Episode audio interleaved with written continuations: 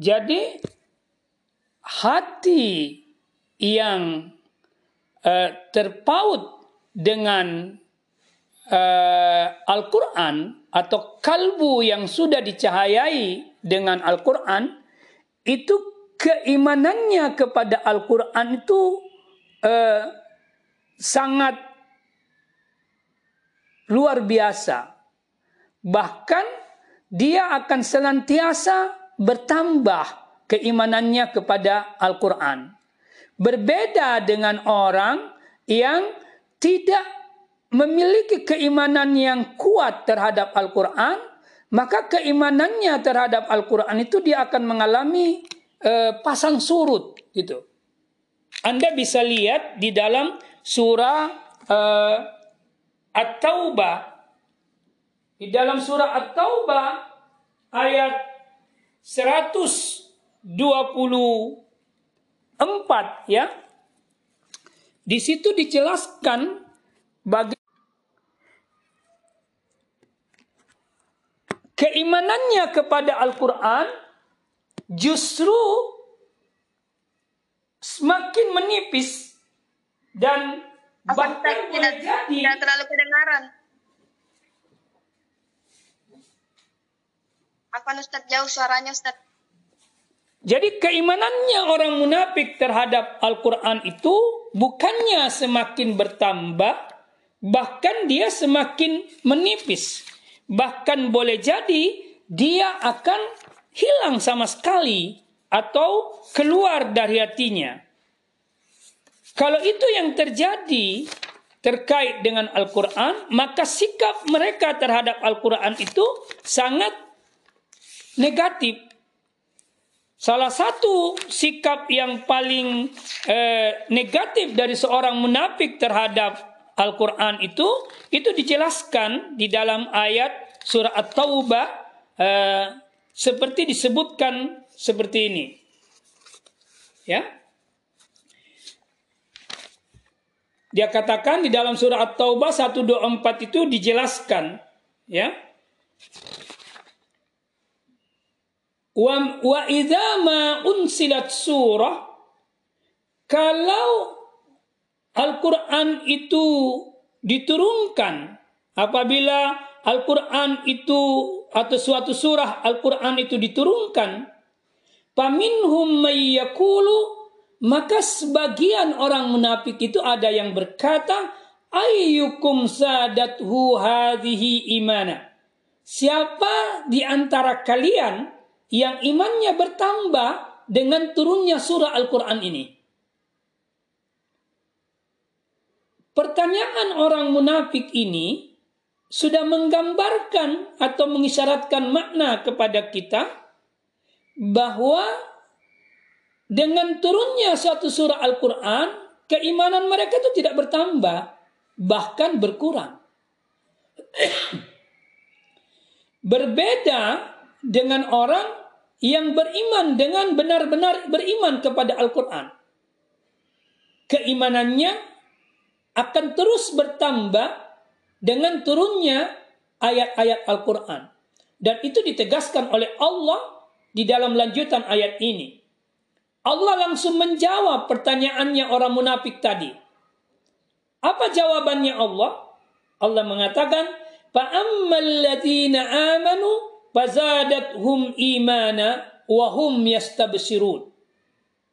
Adapun orang-orang yang beriman itu zadathum imana, keimanan mereka terus bertambah dan bukti kebertambahan iman mereka kepada Allah dengan turunnya Al-Quran adalah hum yastabsirun. Mereka itu selantiasa bergembira ketika dia berinteraksi dengan Al-Quran.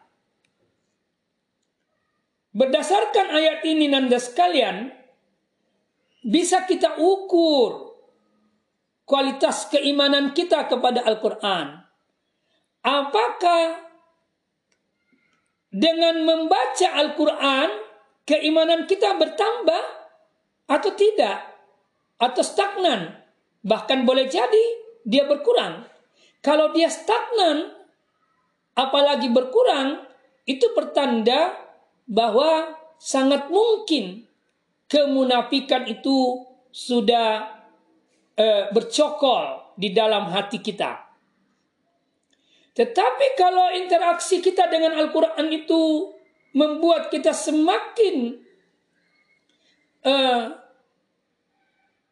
senang dengan Al-Quran, bergembira dengan Al-Quran, dan selalu ingin uh, berhubungan atau berinteraksi dengan Al-Quran, selalu ingin membacanya, selalu ingin mengkajinya, dan sebagainya, selalu ingin mendengarkannya, dan musik tidak mengalahkan keinginan kita yang kuat untuk mendengarkan Al-Quran, maka itu isyarat bahwa keimanan kita kokoh terhadap Al-Quran. Berbeda dengan orang munafik. Kalau orang munafik kata Quran di dalam ayat 125 surah At-Taubah itu dijelaskan. Wa ammal ladina fi qulubihim maradun. Adapun orang yang hatinya ada penyakit kemunafikan terkait dengan turunnya Al-Qur'an atau turunnya sebuah surah Al-Qur'an apa yang terjadi? Zadathum rijzan. Bukannya iman yang bertambah, tapi yang bertambah itu adalah penyakitnya. Jadi sudah ada penyakit, bertambah lagi penyakitnya. Rijzan ila rijzihim. Wa makanu wa, wa, wa matu wa hum kafirun. Dan kalau ini tujuh terjadi, terjadi terus menerus, maka dia akhirnya menjadi kafir dan dia mati dalam kekafiran. Jadi hati-hati dengan penyakit kemunafikan.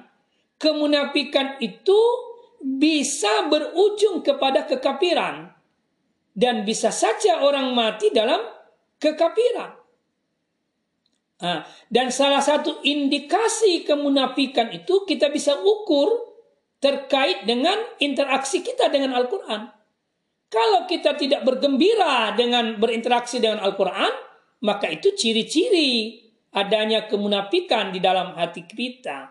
Apalagi kalau kita sudah melakukan tindakan nyata uh, yang menggambarkan kebencian kita kepada Al-Quran. Seperti uh, di dalam ayat 127 dalam surah yang sama itu dijelaskan lagi. Yakni, A'udzubillahi minasyaitonirrajim. Wa idza ma ansalat surah nazara ba'duhum ila ba'd. Orang munafik itu kalau sebuah surah Al-Qur'an itu turun nazara ba'duhum ila ba'd. Sebagian orang munafik itu melihat munafik yang lain. Lalu apa dia bilang?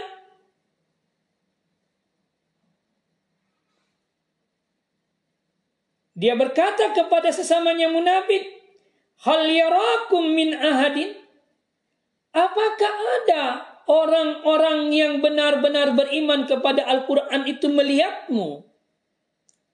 Lalu orang munafik itu menjawab, "Tidak ada." Maka apa yang dia lakukan? Summan sarafu. Lalu mereka meninggalkan uh, di mana meninggalkan tempat di mana surah Al-Quran itu diturunkan. Apa akibat dari action yang dilakukan oleh orang munafik itu? Sarafallahu qulubahum bi annahum qaumun la yafqahun. Maka Allah mengangkat punsi-punsi hati mereka ya, menutup hati mereka. Akhirnya apa? dia akibatnya hum la yafkahun mereka menjadi kaum yang tidak pandai atau tidak paham agama. Nah, berdasarkan ayat ini kita bisa mengatakan dan memahami bahwa orang munafik itu tidak senang terhadap Al-Quran atau tidak senang terhadap pengkajian terhadap Al-Quran eh, terkait dengan Al-Quran. Orang munafik itu kalau ada kajian Quran, ndak ndak senang dia, dia akan tinggalkan. Tidak ada girah sama da dalam hatinya. Dia tinggalkan tempat kajian itu. Akhirnya apa? Mereka tidak paham agama. Karena itu salah satu ciri kemunafikan itu adalah tidak paham agama. Hati-hati di sini. Ciri kemunafikan itu adalah tidak paham agama. Kaumun layab kahun. Mereka, kenapa mereka mengambil tindakan seperti meninggalkan tempat di mana Quran dibicarakan atau Quran dikaji dalam konteks sekarang ya. Nah, kalau dalam konteks Nabi, Quran diturunkan itu karena mereka tidak paham. Maka hati-hati dengan tidak adanya paham, tidak berfungsinya intelektual, karena itu bisa menjatuhkan seseorang dalam kemunafikan, bahkan dalam kekafiran. Nah, ini. Jadi sekali lagi, yang harus diperbaharui terkait dengan interaksi kita terhadap Al-Quran itu adalah tajdidul iman. Perbaharui imanmu terhadap Al-Quran. Bagaimana caranya memperbaharui iman terhadap Al-Quran? Semakin intenslah untuk membaca Al-Quran, mendengarkan Al-Quran. Eh, saya pernah eh, mendengar sebuah kisah nyata. Seorang tua yang sudah umuran eh, sekian eh, 70 sampai 80 tahun itu sering kali dia meminta kalau dia masuk masjid di Madinah dia meminta pemuda yang ada di sampingnya untuk membacakan ayat-ayat Al-Quran supaya dia bisa mendengarnya. Karena dia senang ayat-ayat Al-Quran dia dengar. Mungkin ada yang bertanya, kenapa dia tidak baca langsung? Ah, salah satu bentuk, bentuk interaksi dengan Al-Quran itu adalah dengan cara mendengarkannya. Dan Nabi sering meminta sahabatnya untuk membacakan Al-Quran untuknya. Lalu sahabat berkata, Bukankah Quran itu turun kepadamu ya Rasul? Kenapa engkau meminta kami membacakan kepadamu? Kata Nabi, aku senang Quran itu dibacakan untuk aku dengar. Nah, ini eh, tradisi begini jarang kita lakukan. Itu juga pertanda bahwa kita kebanyakan tidak paham tentang Al-Quran ini. Ya? Nah, jadi sekali lagi bentuk interaksi daripada Al-Quran yang paling pertama adalah beriman kepada Al-Quran. Dan ini harus selalu diperbaharui keimanan itu sampai betul-betul kita sudah mencapai tingkat keimanan kepada Al-Quran yang dibuktikan oleh intens, intensitas kita berinteraksi dengan Al-Quran. Ya. Yang kedua, bentuk kedua daripada berinteraksi dengan Al-Quran itu adalah membaca Al-Quran. Di dalam Al-Quran banyak perintah kepada kita untuk senantiasa membaca Al-Quran. Ya, itu bisa dilihat misalnya di dalam surah uh, Al-Muzammil. Ya, di dalam surah Al-Muzammil kalau tidak salah di dalam surah Al-Muzammil atau surah Al-Mudadsir itu dijelaskan eh, perintah membaca Al-Quran eh, baik di dalam waktu salat. Ya di dalam surah Al-Muzammil ya. Di dalam surah Al-Muzammil ayat-ayat terakhir. Di dalam surah 73 ya. Ayat-ayat terakhir itu disebutkan di, di sini. Eh, dikatakan di situ eh, Inna rabbaka ya'lamu annaka takumu adana min sulusai layli wa nisbahu wa zulusahu wa ta'ifatun minal ladina ma'ak. Wallahu yukaddiru layla wa nahar. Alima an lan tuhsuhu pataba alaikum Fakra'u ma tayassara minal Qur'an. Ini. Fakra'u ma tayassara minal Qur'an. Maka bacalah apa yang mudah bagimu dari Al-Quran. Kemudian di ayat lanjutannya itu ada lagi perintah dua kali perintah membaca di sini. Fakra'u ma. Maka bacalah apa yang mudah bagimu. Perintah membaca Al-Quran dalam konteks ini itu membaca Quran di dalam salat. Tentu perintah membaca Quran di dalam salat ini tidak mengisyaratkan bahwa Quran itu hanya dibaca di dalam salat. Di dalam ayat yang lain itu banyak menjelaskan perintah Al-Quran membaca di luar salat. Bahkan intensitas membaca Quran di luar salat itu harus lebih intens dibanding pembacaan kita di dalam salat. Karena pembacaan kita di dalam salat waktunya sangat terbatas. Berbeda dengan pembacaan kita di dalam di luar salat, waktunya bisa sampai dua jam, bisa sampai tiga jam. Kalau dalam salat, apalagi salat jamaah, itu intensitas waktu baca Quran itu ndak ndak lama. Ya 10 menit 15 menit. 15 menit itu sudah sangat lama. Dalam satu rakaat pembacaan Al-Quran nah, jadi interaksi kedua yang harus kita galakkan ketika terkait terkait dengan Al-Quran adalah gerakan membaca Al-Quran gerakan membaca Al-Quran Di dalam Al-Quran itu dijelaskan seperti ini. Laisu sawa'un min ahlil kitab ummatan qa'imatan. Mereka ada sebagian orang-orang ahli kitab itu yang disebut ummatan qa'imatan. Umat yang selalu berlaku lurus. Apa yang dia lakukan umat ini, kelompok ini? Yatluna ayatillah ana al-lail mereka senantiasa membaca ayat-ayat Allah di waktu malam. Ayat ini mengisyaratkan kepada kita bahwa kita umat Islam yang beriman kepada Al-Quran itu seyogyanya untuk membaca Al-Quran setiap malam. Anak Allah. Baik ketika kita dalam keadaan salat maupun di luar salat. Ha, tapi dalam konteks ayat 113 surah Al-Imran ini eh, disebutkan wahum yasjudun dan mereka sedang bersujud, yakni sedang eh, baca eh, sedang salat.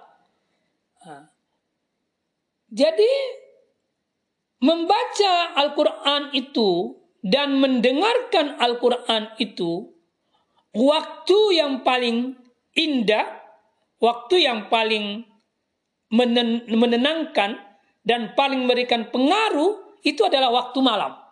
Di waktu malam, di tengah malam. Setelah tidur, kemudian bangun di tengah malam untuk membaca Al-Quran, baik di dalam salat maupun di luar salat. Itu banyak isyarat yang disebutkan eh, oleh Al-Quran terkait waktu terbaik membaca Quran, yakni waktu tengah malam. Makanya waktu tengah malam itu yang mendekati pajar khususnya itu disebut Quran al-Fajr. Quran al-Fajr. Jadi kata Quran itu disandarkan kepada waktu pajar. Ini mengisyaratkan makna bahwa orang yang beriman kepada Al-Quran eh, dengan keimanan yang kuat, yang benar, dan mendapatkan pengakuan dari Allah, itu senak buktinya adalah mereka selalu eh, membaca Quran di waktu fajar, baik eh, eh, sebelum eh, salat subuh atau di salat subuh atau pasca salat subuh sampai terbitnya matahari. Ini waktu yang terbaik untuk berinteraksi dengan Al-Quran dalam bentuk membaca eh, dan dalam bentuk mendengarkan, bahkan dalam bentuk menghafalkan Al-Quran. Ya, jadi sekali lagi eh, tegakkanlah gerakan membaca Al-Quran dan mendengarkan Al-Quran. Banyak sekali ayat yang menjelaskan uh, tentang itu. Ya. Misalnya lagi ada ayat yang mengatakan fa idza quriyal qur'anu itu kan fa idza quriya Quran. Ketika Quran itu dibacakan maka dengarkanlah. Diamlah lalu mendengarkan bacaan-bacaan Al-Quran. Pastami'ulah. Dengarkan dia. Maka yang dimaksud dengan pastami'u itu kita didorong oleh Allah tidak hanya membaca Al-Quran tapi juga mendengarkan. Apakah itu lewat smartphone kita? Misalnya kita lagi uh, capek membaca, maka kita fungsikan telinga kita untuk mendengarkan. Dari sini juga kita bisa mengatakan bentuk interaksi dengan Al-Quran itu lewat lisan, kemudian lewat pendengaran, as'am wal basar. Dan memang lisan dan pendengaran atau asam wal basar ini, jadi ketika kita melihat ayat-ayat Quran lalu kita baca dengan lisan kita, atau ketika kita mendengarkan ayat-ayat Al-Quran dengan pendengaran kita, uh, itu akan membangkitkan keimanan kita kepada Allah dan menguatkannya. Maka ini harus intens dilakukan. Cara yang ketiga, selain membaca dan mendengarkan Al-Quran, juga menghafalkan Al-Quran. Tetapi yang saya akan jelaskan adalah gerakan yang keempat setelah membaca, setelah beriman, membaca, mendengarkan dan menghafal itu adalah mentadaburi Al-Qur'an, mengkaji Al-Qur'an. Di dalam Al-Qur'an ada ayat di dalam surah Muhammad ayat 24. Allah berfirman, A'udzu billahi minasyaitonir rajim. Apala yatadabbaruna al-Qur'ana am ala qulubin aqfaluha? Tidakkah mereka itu mentadabburi Al-Qur'an am ala qulubin aqfaluha? Atau hati mereka tertutup? Kalau ayat ini kita cermati dengan baik, di dalam ayat ini Allah bertanya, apakah mereka tidak melakukan gerakan tadabbur Al-Quran? Apa yang dimaksud dengan gerakan tadabbur? Yakni mengkaji, mempelajari, menganalisa makna-makna Al-Quran. Sehingga dia bisa memahami Al-Quran itu, kandungan Al-Quran itu sendiri. Itu yang dimaksud dengan tadabbur. Jadi dia bisa memahami makna-makna dan kandungan Al-Quran setelah dia baca, dia dengar, dia hafal, dia kaji kandungan maknanya. Allah bertanya, apa mereka tidak melakukan itu? Pertanyaan seperti ini dalam ilmu tafsir disebut istifham ingkari. Pertanyaan yang mengandung makna ancaman dan sekaligus celaan. Ya, apa maksudnya? Orang yang tidak melakukan gerakan tadabbur, pengkajian, pembelajaran, menganalisa, memikirkan ayat-ayat Al-Quran, itu terancam atau dicela oleh Allah Subhanahu wa taala. Salah satu bentuk celaan yang paling berbahaya ya adalah ketika hati seseorang itu sudah tertutup tak mampu lagi menerima ajaran-ajaran Al-Quran. Seperti diisyaratkan di dalam lanjutan ayat, am ala kulubihi kulubin akpaluha atau orang atau hati mereka tertutup. Jadi kalau orang yang tidak tadabbur Quran, efeknya atau akibatnya hatinya tertutup. Atau kita bisa balik, bukti orang yang jarang mentadaburi Al-Quran itu hatinya tertutup. Hati-hati di sini ketika orang sudah tertutup hatinya. Hatinya sudah disfungsi dari ayat-ayat Allah yang tercantum di dalam Al-Quran.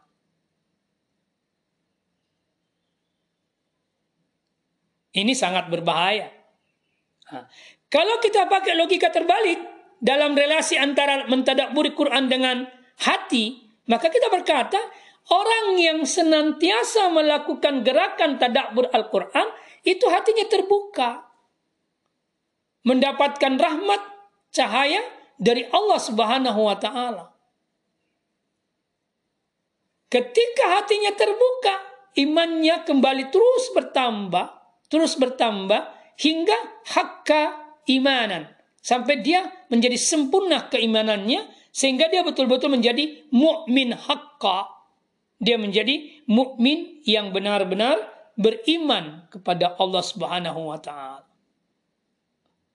Itu yang dimaksud dengan gerakan tatakbur. Di ayat yang lain, itu Allah berfirman seperti ini.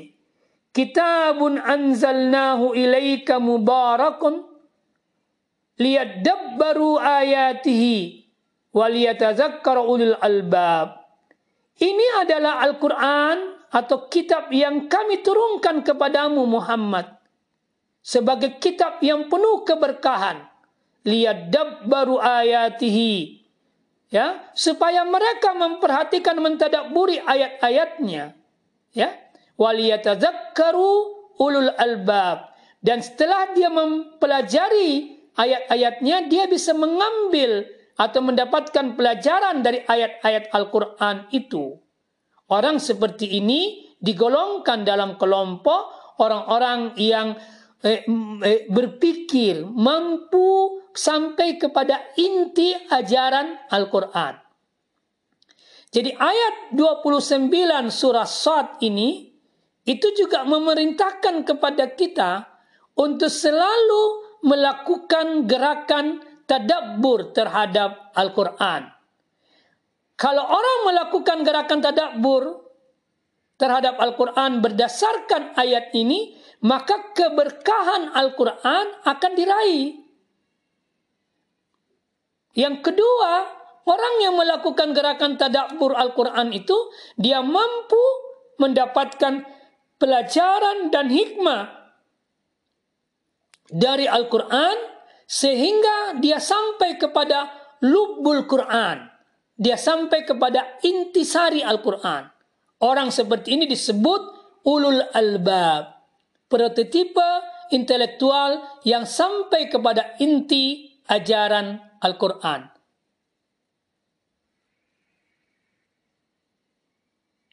Ya, jadi sekali lagi gerakan tadabbur itu wajib dilakukan oleh seorang muslim. Supaya apa? Supaya hatinya terbuka. Supaya hatinya hidup. Supaya hatinya dipenuhi dengan cahaya Allah supaya hatinya dipenuhi dengan cahaya Al-Quran. Hatinya dipenuhi dengan pelajaran-pelajaran dan hikmah-hikmah Al-Quran. Hati seperti inilah yang disebut di dalam Al-Quran sebagai hati yang hidup. Seperti firman Allah dalam surah Qaf ayat 37, Inna fi dzalika la liman kana lahu. Sesungguhnya pada yang demikian itu benar-benar terdapat peringatan bagi orang-orang yang hidup hatinya. Atau orang-orang yang menggunakan pendengarannya wahwa syahid sedangkan dia menyaksikan kebenaran-kebenaran Al-Quran itu sendiri. Saya kira untuk pembahasan tentang uh, Al-Quran ini dalam bentuk-bentuk uh, tadabbur sampai di sini. Insya Allah kita akan lanjutkan pada pertemuan berikutnya. Ya, terima kasih. Assalamualaikum warahmatullahi wabarakatuh. Bismillahirrahmanirrahim. Alhamdulillah. Alhamdulillahi rabbil alamin. Allahumma salli wa sallim wa barik ala sayyidina wa maulana wa habibina Muhammad wa ali Muhammad. Uh, pembahasan tentang konsep manusia di dalam Al-Quran itu salah satu pembahasan yang paling penting yang mesti dipahami oleh kita semua sebagai manusia. Lewat pembahasan ini, kita akan mencoba melakukan otokritik kehidupan kita atau mengevaluasi kehidupan kita sebagai manusia apakah kehidupan kita selama ini kita jalani sesuai dengan pandangan Al-Quran atau tidak? Atau apakah kita termasuk manusia yang berjalan menuju kepada manusia sempurna atau justru sebaliknya kita sedang berjalan untuk menuju uh, atau menjadi manusia setan. Jadi ujung pembahasan konsep manusia ini itu berada pada konsep manusia sejati versus manusia setan. Ya. Uh, untuk memahami eh, konsep manusia sejati atau manusia sempurna yang kontraproduktif dengan konsep manusia setan, maka pembahasan kita pertama adalah eh, unsur dan proses penciptaan manusia. Unsur dan proses penciptaan manusia. Yang kedua, kita akan membahas tentang dimensi-dimensi manusia dan kebutuhan-kebutuhan primer dari setiap dimensi. kemudian kita akan membahas tentang eh, manusia. Fitrah manusia. Dalam pembahasan fitrah manusia ini eh, akan berlanjut pembahasan tentang potensi-potensi eh, positif manusia dan potensi-potensi negatif manusia. Selanjutnya kita akan membahas tentang eh, manusia sebagai hamba Allah dan yang kedua manusia sebagai khalifah. Dari pembahasan-pembahasan atau sub-sub pembahasan ini akan jelas nanti mana manusia setan dan mana manusia sempurna. Jadi setiap pembahasan akan dihubungkan dengan materi eh, masalah pokok itu manusia sejati eh, dan manusia setan. Kira-kira begitu gambaran umum dari pembahasan tentang manusia. Baik, kita masuk pada pembahasan tentang manusia eh, atau unsur penciptaan manusia. Uh, nanti akan saya bukakan uh, apa ya uh, materinya, uh, powerpointnya. Tapi uh, saya berharap ini betul-betul diperhatiin ya. Baik, uh, kita lihat kelihatan powerpointnya ya. Kelihatan Pak. Ya. Baik. Di dalam Al-Quran paling tidak ada uh, tujuh istilah yang digunakan Al-Quran untuk menunjuk manusia. Dan setiap istilah ini memiliki konotasi makna yang akan menggambarkan nanti dimensi-dimensi manusia itu sendiri. Uh, istilah pertama manusia disebut al-bashar. Ketika manusia disebut al-bashar, ya, ketika manusia disebut al-bashar, maka eh, istilah ini menunjuk manusia sebagai makhluk yang berdimensi religius, eh, berdimensi biologis reproduksi. Jadi kata al-basar terkait dengan manusia sebagai makhluk yang berdimensi biologis reproduksi. Sementara kata al-insan, al-ins, unas, an-nas ini empat kata yang akar katanya sama, yakni berasal dari huruf alif, nun, dan sin atau dari kata anasa.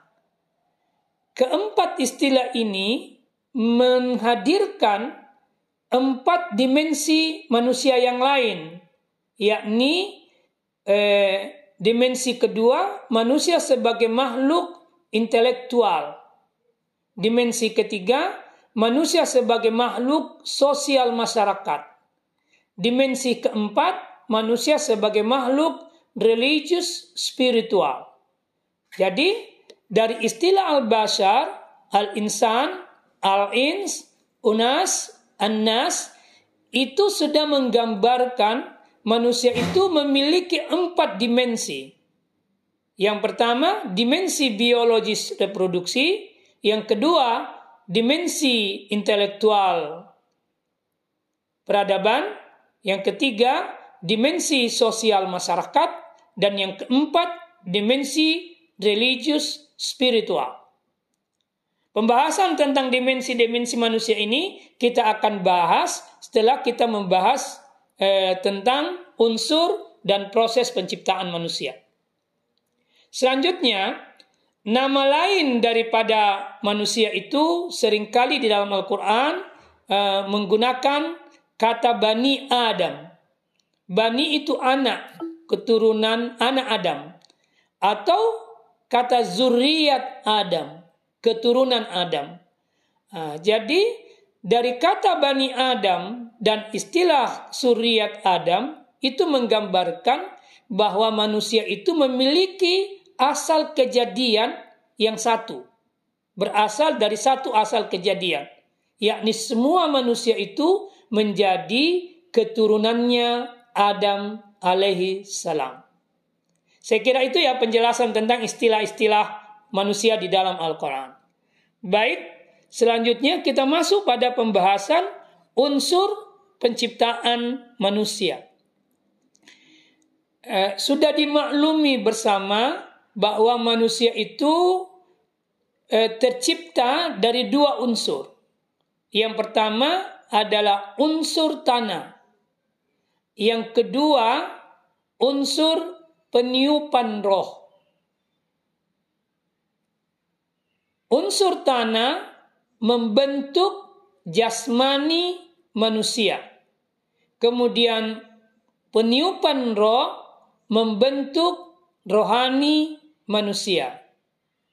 Jadi manusia itu terdiri dari unsur rohani dan unsur jas jasmani.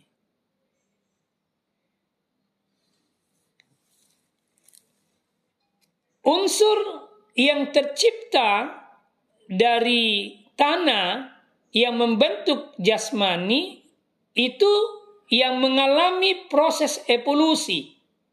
Yang mengalami proses evolusi. Yakni yang kita sebut kemudian mengalami proses penciptaan. Ya. Tapi unsur rohani itu tidak mengalami proses evolusi tidak mengalami proses evolusi. Nah, dari dua unsur penciptaan ini, unsur yang paling utama yang akan menjadikan manusia itu menjadi manusia sejati adalah unsur peniupan roh, unsur rohani tadi. Sementara unsur jasmani dia bukan yang menjadi substansi uh, sejati dari manusia. Nanti akan jelas kalau kita hubungkan dengan dimensi-dimensi manusia yang sebut yang saya sebutkan tadi. Dari empat dimensi manusia yang saya sebutkan tadi, yakni pertama dimensi biologis reproduksi, yang kedua dimensi sosial masyarakat, yang ketiga dimensi intelektual peradaban, dan yang keempat dimensi religius spiritual. Dari empat dimensi ini hanya satu dimensi yang terkait dengan jasmani, yakni dimensi biologis reproduksi. Itu terkait dengan jasmani. Apa yang menjadi kebutuhan dimensi biologis reproduksi? Itu ada empat. Ada empat. Kebutuhan primernya ada empat. Yakni eh, S2, P2. Seks, sandang, pangan, papan. Itu kebutuhan dimensi biologis reproduksi yang merupakan bagian dari unsur jasmani. Kemudian dimensi intelektual peradaban yang membu yang kebutuhan primernya adalah ilmu. Kemudian kebutuh eh, dimensi sosial masyarakat yang kebutuhan primernya adalah komunitas dan dimensi religi spiritual yang kebutuhan primernya adalah agama dan pengamalan agama, tiga dimensi ini bagian daripada rohani manusia. Kalau begitu, rohani manusia itu lebih dominan dibanding jasmani manusia.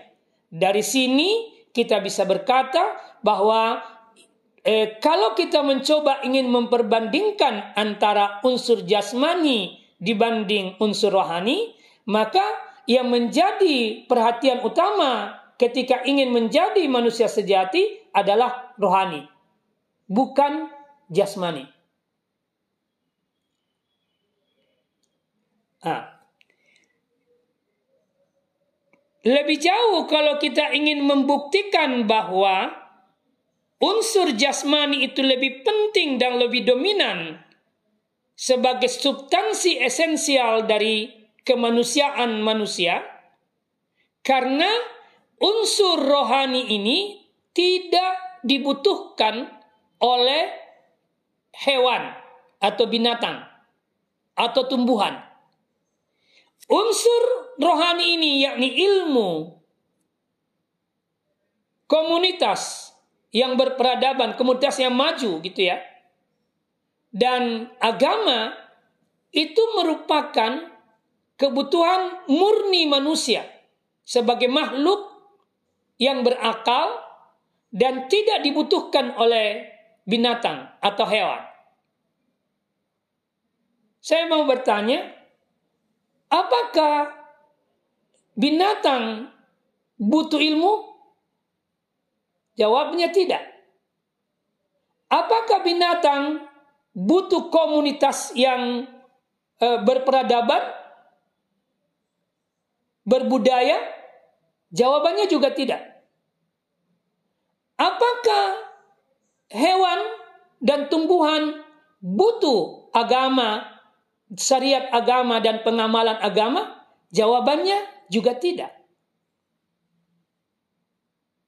Ini menunjukkan bahwa sisi kemanusiaan manusia itu pada wilayah rohaninya, di mana dia butuh ilmu, dia butuh komunitas yang berakhlak, masyarakat yang berperadaban, dan dia butuh agama dan pengamalan agama. Tetapi kalau kita lihat dimensi religi, eh, dimensi eh, biologis reproduksi yang membutuhkan S2 P2 yakni seks, sandang, pangan, dan papan, maka keempat kebutuhan ini adalah murni kebutuhan hewan. Apakah hewan butuh pangan? Makanan, minuman? Iya, dia butuh. Apakah hewan butuh kandang atau papan atau tempat tinggal? Jawabannya dia butuh. Apakah dia butuh sandang? Iya, kulitnya itu sandangnya. Bulunya itu sandangnya. Apakah dia butuh seks? Apalagi hewan butuh seks.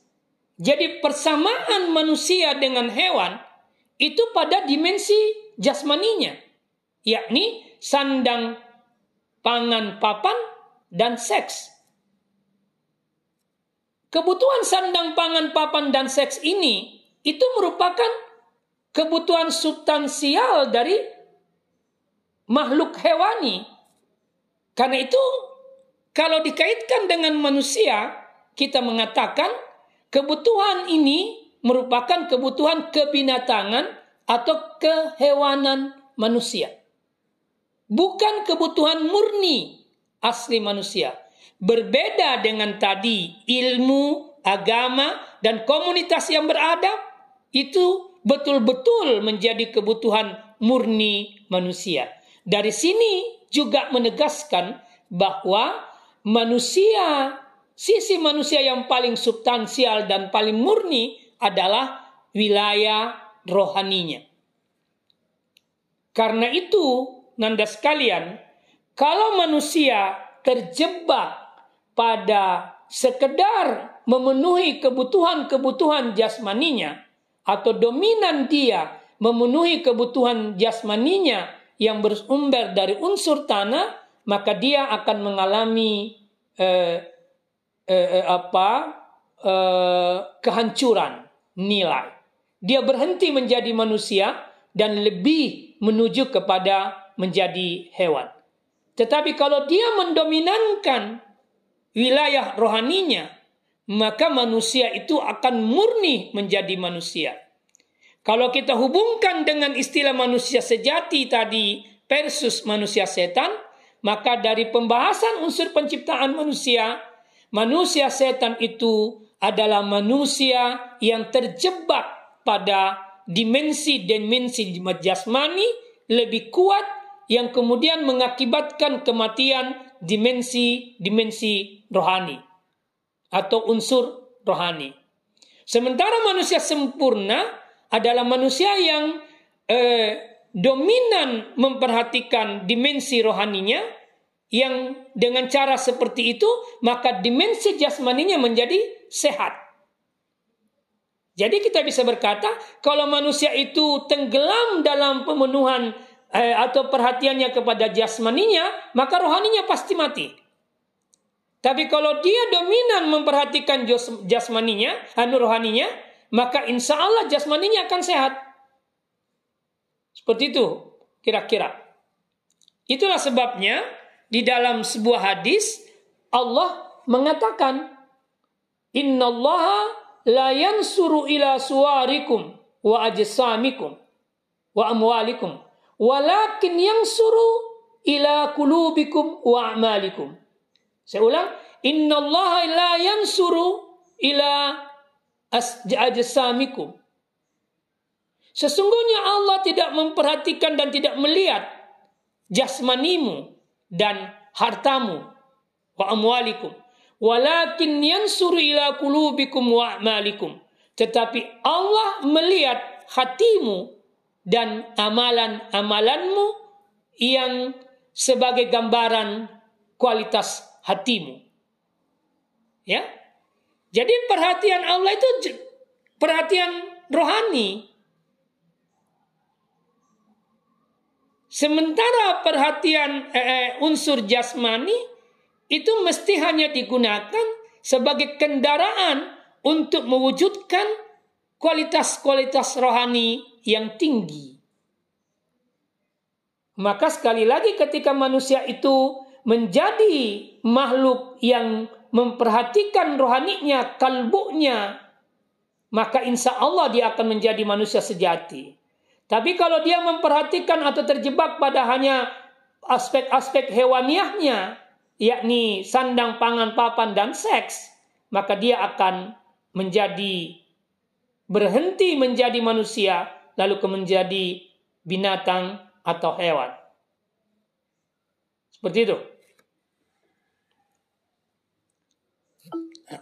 Jadi tinggal silahkan Anda memilih mau memperhatikan atau menghidupkan aspek rohanimu yang kemudian akan berakibat positif terhadap aspek jasmanimu atau Anda lebih dominan pada aspek jasmani yang ketika itu terjadi Anda tenggelam dalam kebutuhan-kebutuhan hewania dan itu akan mengakibatkan rohani Anda terkotori, rohani Anda mati.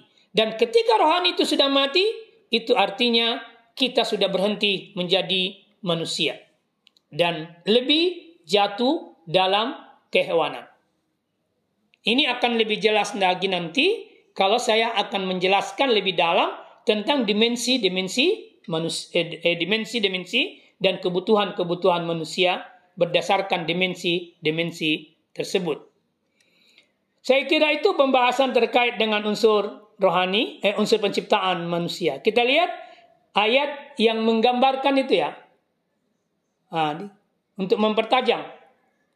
Al-Quran di dalam surah As-Sajadah, Allah berfirman pada ayat 9, A'udzu billahi minasyaitonir rajim. Summa sawwahu. Kemudian dia menyempurnakan. Apa yang dimaksud di sini menyempurnakan? Yakni menyempurnakan proses penciptaan manusia. Yang menyempurnakan proses penciptaan manusia.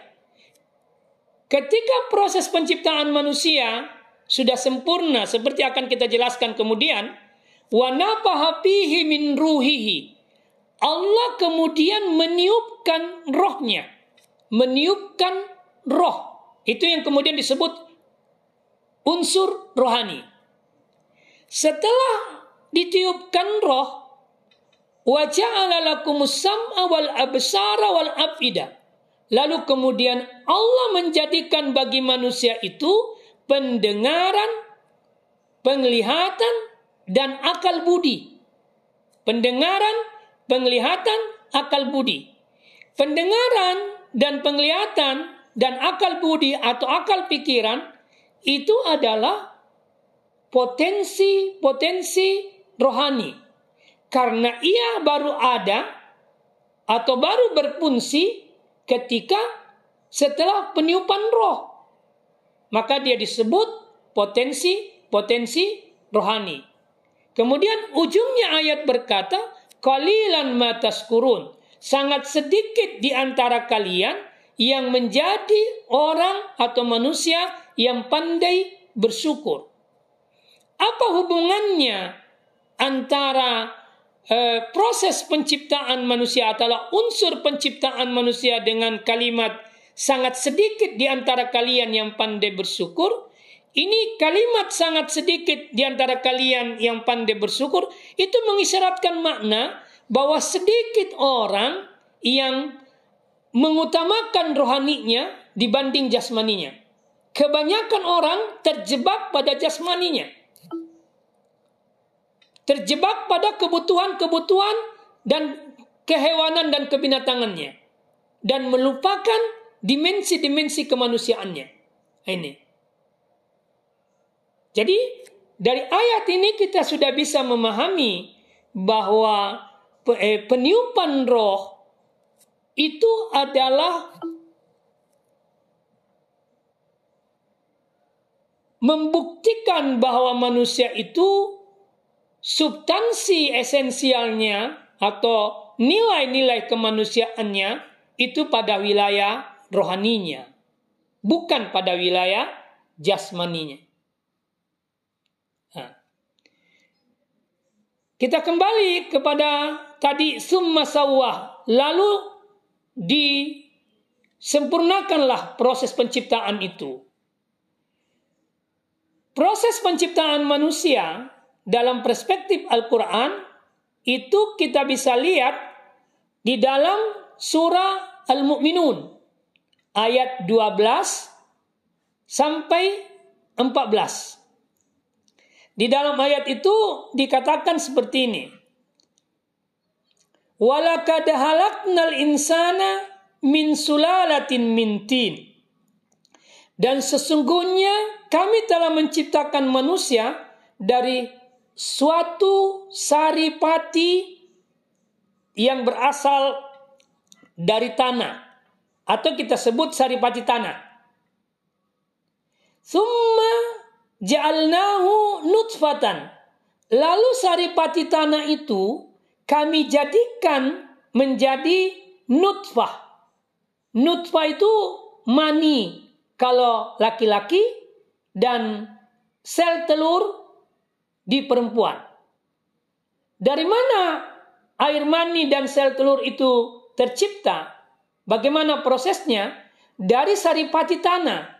Saripati tanah itu membentuk buah atau makanan. Jadi saripati tanah itu diisap oleh tumbuhan, ya, diisap oleh tumbuhan lalu kemudian dia menjadi buah sebagai makanan manusia dan saripata sana juga itu eh, menjadi tumbuhan lalu kemudian dimakan oleh binatang maka kita memakan nabati dan hewani maka nabati dan hewani yang kita makan inilah yang membentuk eh, mani dan membentuk eh, apa namanya? Eh, sel telur sel telur. Nah, kemudian Sel telur dan mani ini kemudian menyatu. Terjadi pembuahan atau maka itu yang kita sebut fi qararin makin. Setelah terjadi pembuahan, dia ditempatkan di tempat yang kukuh. Ya. Ketika sudah menjadi berada di tempat yang kuku, maka dia disebut alakah. Dia jadi sudah terjadi pembuahan, dia menjadi alakah. Makanya disebut summa halakna nutfata alakah. Kemudian kami menjadikan nutfah tadi saripati eh, dan sel telur yang sudah menyatu itu menjadi alakah. Alakah sering kali diterjemahkan dengan eh, segumpal darah. Tapi saya ingin menerjemahkan kata alakah dengan sesuatu yang melekat, sesuatu yang menempel, sesuatu yang tergantung. Karena hasil pembuahan uh, sperma terhadap ovum atau setelah terjadi sigot itu melekat di dinding rahim, melekat di dinding rahim. Atau menempel di dinding rahim. Nah, kemudian disebutkan pahalakna alaka mudagah Lalu kemudian alakah yang menempel di dinding rahim itu berproses menjadi mudagah. Apa yang dimaksud dengan mudagah? Segumpal daging. Segumpal daging. Lalu disebut pahalaknal mudagara idama. Lalu kemudian segumpal daging itu diciptakan menjadi tulang atau dijadikan menjadi tulang belulang. Pakasaunal idama lahma Lalu kemudian tulang belulang itu dibungkus otot-otot, dibungkus dengan daging. Kemudian Thumma ansha'nahum halkan ansa'nahu halkan ahar. Lalu kemudian dia menjadi berkembang menjadi halkan ahar. Manusia yang sudah sempurna proses penciptaannya. Baru ditiupkanlah roh di situ. Lalu Tuhan mengatakan, Maha suci Allah ahsanul halikin sebaik-baik pencipta. Nah, ini Anda lihat gambar proses penciptaan itu ya.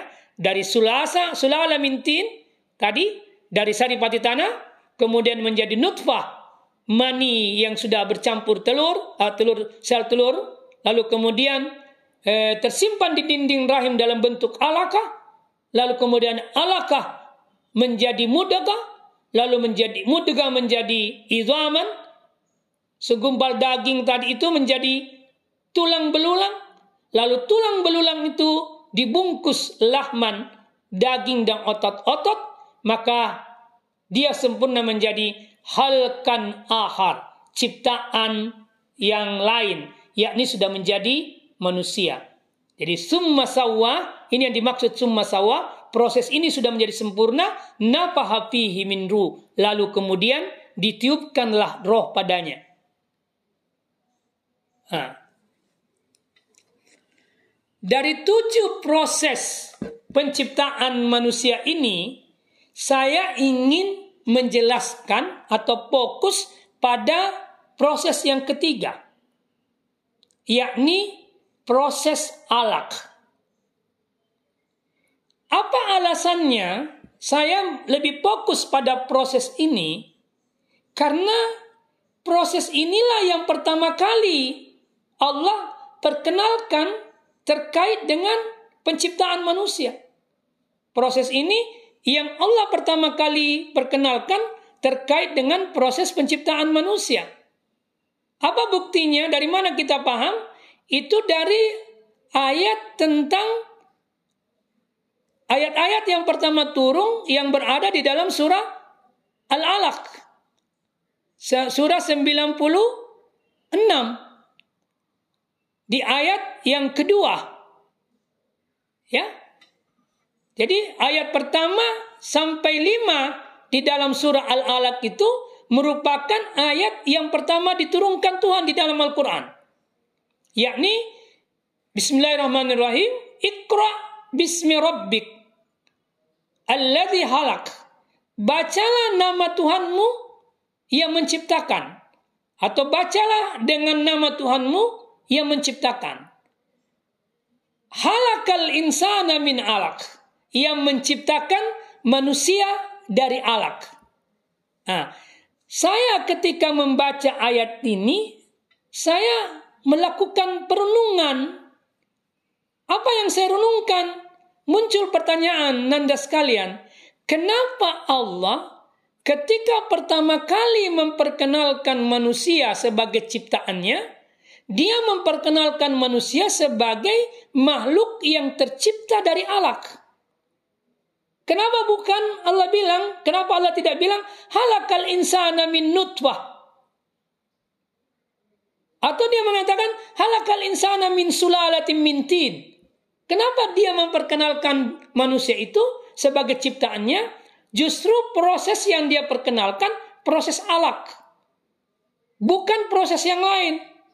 Nah, dari sini saya berpikir bahwa proses alat itu sangat penting untuk dipahami oleh kita sebagai manusia supaya kita bisa mengerti kodrat penciptaan kita. Apalagi surah yang pertama turun ini disebut surah Al-Alaq. Dari kata ini namanya diambil. Ini mengisyaratkan lagi bahwa kata Allah itu perlu untuk dipahami secara mendalam supaya kita bisa memahami diri kita sebagai manusia. Dia perlu dipahami secara mendalam dalam kaitannya sebagai bagian dari proses penciptaan manusia dan dengan memahami itu kita akan mengerti bagaimana kodrat kita sesungguhnya sebagai manusia. Nah, karena itu saya ingin fokus menjelaskan kata alat ini dalam pembicaraan tentang proses penciptaan manusia. Mari kita bahas lebih dalam. Ya. Nah, kata alat itu berkonotasi makna sesuatu yang menempel, sesuatu yang melekat, sesuatu yang tergantung. Dia juga berarti lintah ya dia juga berarti lintah. Uh, dari makna-makna ini, ketika Allah berfirman di ayat yang kedua surah Al-Alaq itu, halakal insana min alaq, Allah menciptakan manusia dari alaq, itu kita bisa memahaminya bahwa Allah menciptakan manusia dari kodrat ketergantungan. Kodrat ketergantungan. Pertanyaannya, tergantung ke mana? Maka jawabnya, tergantung kepada penciptanya. Tergantung kepada penciptanya. yang menciptakannya. Artinya apa? Kita ini memiliki kodrat ketergantungan kepada Allah yang menciptakan kita. Pemahaman tentang kodrat ketergantungan kita kepada Allah yang menciptakan kita secara embriologi atau secara ilmu embriologi itu sangat jelas. Ya, sangat jelas. Saya bukan ahli embriologi, ilmu embriologi, tapi saya pernah mempelajari sekilas tentang itu. Ya, untuk menjelaskan kata alat ini.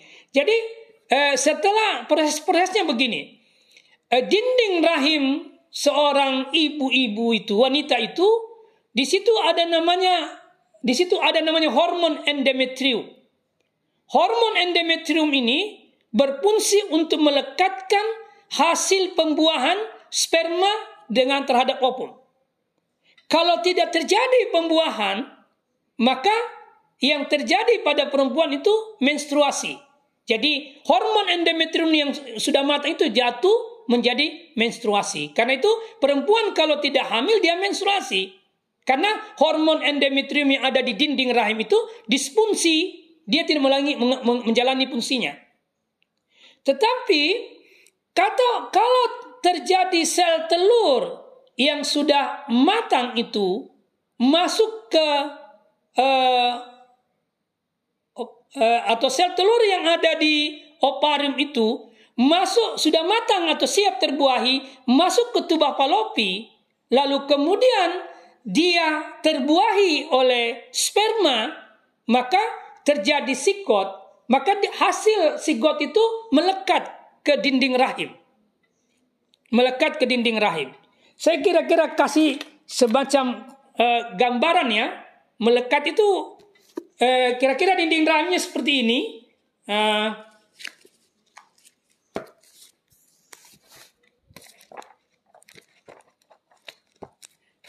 Dinding rahimnya kira-kira misalnya seperti ini, dinding rahimnya seperti ini. Kemudian hasil pembuahan di tuba polop itu kemudian di, melekat di sini. Ah, jadi sesuatu yang melekat, anggaplah ini melekat seperti ini, melekat. Karena hormon endometrium tadi berfungsi melekatkan hasil pembuahan, maka hasil pembuahan itu menjadi kuat, kokoh. Tapi kalau dia lemah, dia mengalami keguguran, ya kan? Dia mengalami keguguran, maka ada eh, perempuan yang hamil mengalami keguguran karena lemah, uterusnya lemah.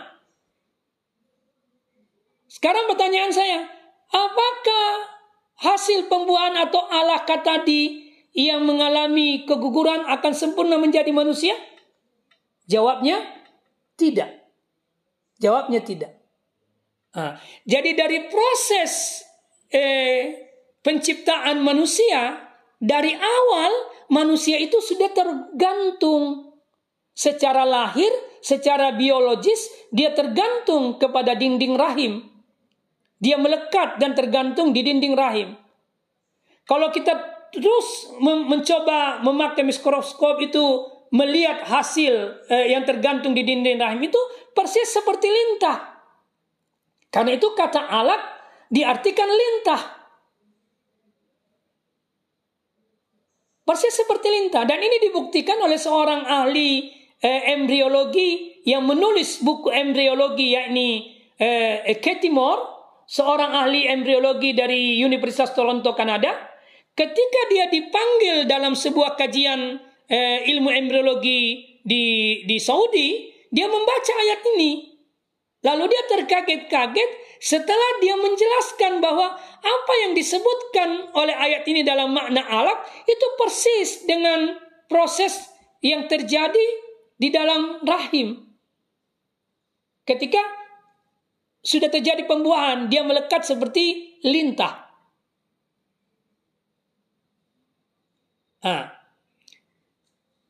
secara batin atau secara spiritual, saya ingin menjelaskan mengatakan secara spiritual, manusia itu tergantung kepada Allah sebagai penciptanya. Jadi manusia itu kodratnya tergantung kepada Allah sebagai penciptanya dan manusia juga tergantung kepada makhluk Allah sebagai sesama ciptaan. Itulah sebabnya manusia tidak bisa hidup dengan sendirinya. Dari awal itu tidak bisa hidup dengan sendirinya. Dia selalu membutuhkan yang lain. Khususnya ia menciptakannya. Nah, dari sini pesan utama yang saya ingin sampaikan di sini untuk Ananda pahami adalah ketika Anda melonggarkan ketergantunganmu, catat ini, ketika Anda melonggarkan ketergantunganmu, bahkan memutuskan ketergantunganmu dengan Allah, maka engkau akan mengalami kehancuran hidup. Seperti hancurnya gugurnya janin dalam rahim ibunya ketika dia longgarkan ketergantungannya dari dinding rahim. Itu. Saya ulang. Ketika Anda sebagai manusia yang kodratnya tercipta dengan kodrat ketergantungan, Anda melonggarkan atau memutuskan ketergantunganmu dengan Allah sebagai penciptamu, maka engkau akan mengalami kehancuran hidup. Seperti janin yang ada di dalam rahim ibu yang masih tahap alakah itu ketika dia longgarkan dirinya dari dinding rahim dia akan mengalami kehancuran hidup. Itu. Itulah sebabnya kenapa saya fokus di kata alak. Karena kata alak itu memiliki makna yang sangat dalam terkait dengan kodrat kita sebagai manusia. Yang lain yang saya ingin jelaskan terkait dengan proses ini, istilah mani yang ada pada laki-laki dan sel telur yang ada pada perempuan. Sifatnya berbeda secara uh, uh, embriologi itu bisa dijelaskan sifatnya berbeda. Mani itu sifatnya agresor. Sementara sel telur sifatnya tersembunyi menunggu jadi kalau kalau digambarkan dalam bentuk video itu jelas sekali bahwa ketika sel telur yang matang tadi masuk di tuba palopi, dia mencari tempat yang tersembunyi, uh, tetapi dia memberikan signal di mana tempat dia bersembunyi. Berbeda dengan sperma. Sperma itu dia punya kepala, dia punya leher, kemudian dia punya ekor. Dia itu kecepatan sperma yang jutaan itu ketika dia masuk ke tuba palopi, dia mencari di mana itu eh, eh apa namanya? sel telur yang bersembunyi tadi. Di mana itu? Dan yang menarik adalah yang sampai kepada sel telur itu hanya satu sperma, bukan banyak sperma, hanya satu sperma. Bukan banyak sperma. Hanya satu sperma. Nah, yang lebih menarik lagi, ketika sperma itu sudah membuahi opum atau mendapatkan opum yang dia cari, lalu kemudian dia buahi, maka terlepaslah ekornya. Kalau dia sudah terlepas ekornya, maka dia tidak bisa lagi bergerak. Dia tenang ter, di, di opum tadi. Dia tenang nyaman, tenang di open. Lalu dia lepas dia lepas ekornya maka dia tidak bergerak karena energi geraknya di ekornya. Nah, itu prosesnya secara biologis. Proses biologis ini itu saya bisa maknai dalam makna spiritual. Pertanyaannya makna spiritualnya apa? Yang pertama, saya ingin katakan bahwa sifat perempuan itu adalah pemalu. Karena itu kekuatan perempuan itu adalah pada rasa malunya. Rasa malunya lah yang akan mencegah kesuciannya.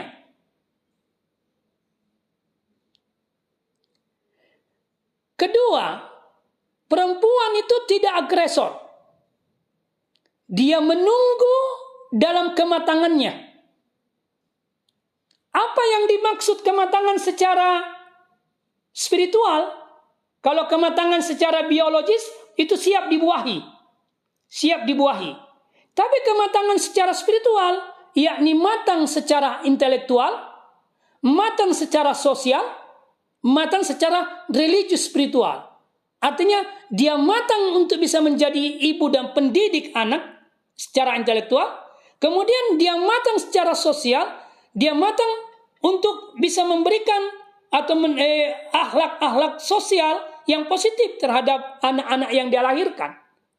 Dan ketiga, dia matang secara spiritual, dia kuat agama. Kalau kita hubungkan tiga ini dengan unsur penciptaan tadi, dia matang secara rohani. Maka perempuan itu kalau dia mau menikah, dia harus matang secara rohani. Jangan hanya matang secara jasmani. Hanya mempercantik muka, mempercantik body, dan sebagainya.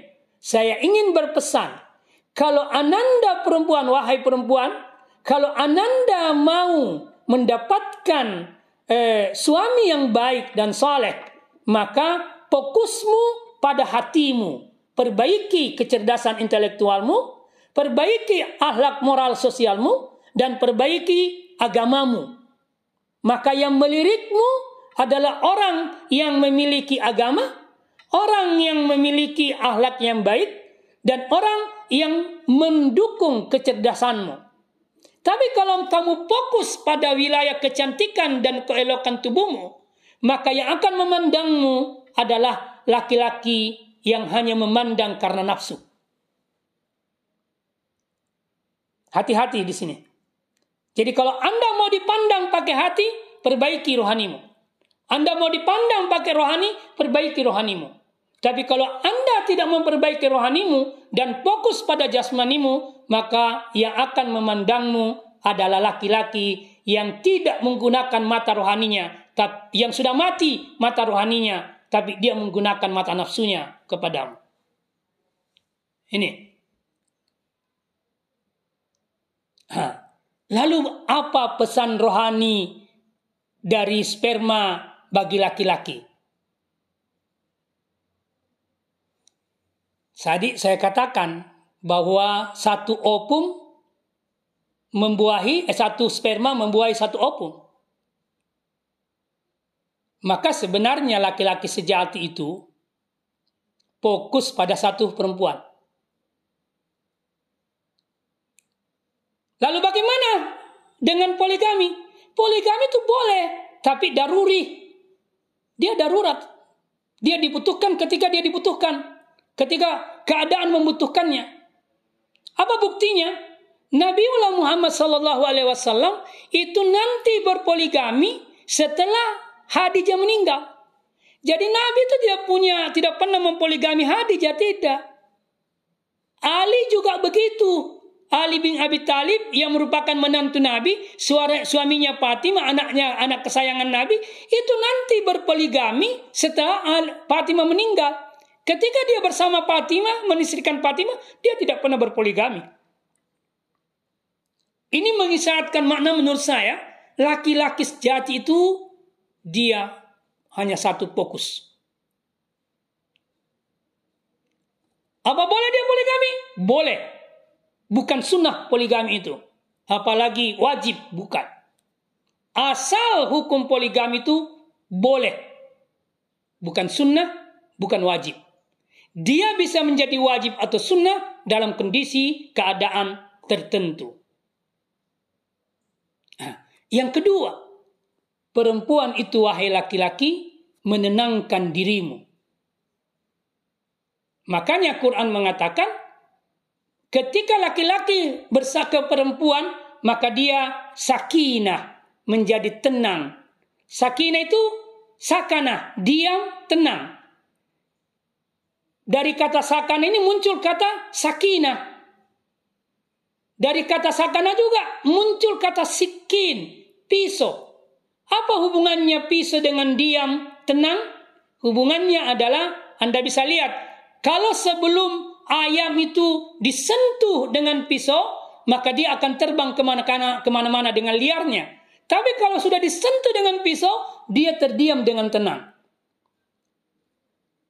Maka perempuan itu salah satu tugasnya yang paling utama itu membuat laki-laki tenang dalam kedamaian dan kematangannya. Itu makna spiritual yang saya pahami dari makna religius yang saya pahami dari sperma, opum, serta alak. Ini yang penting saya jelaskan Anda sekalian pada pembelajaran proses penciptaan manusia. Uh, insya Allah pada pembelajaran selanjutnya kita akan membahas tentang uh, uh, dimensi dimensi manusia dan kebutuhan-kebutuhannya. Saya kira sampai di sini. Terima kasih. Assalamualaikum warahmatullahi wabarakatuh.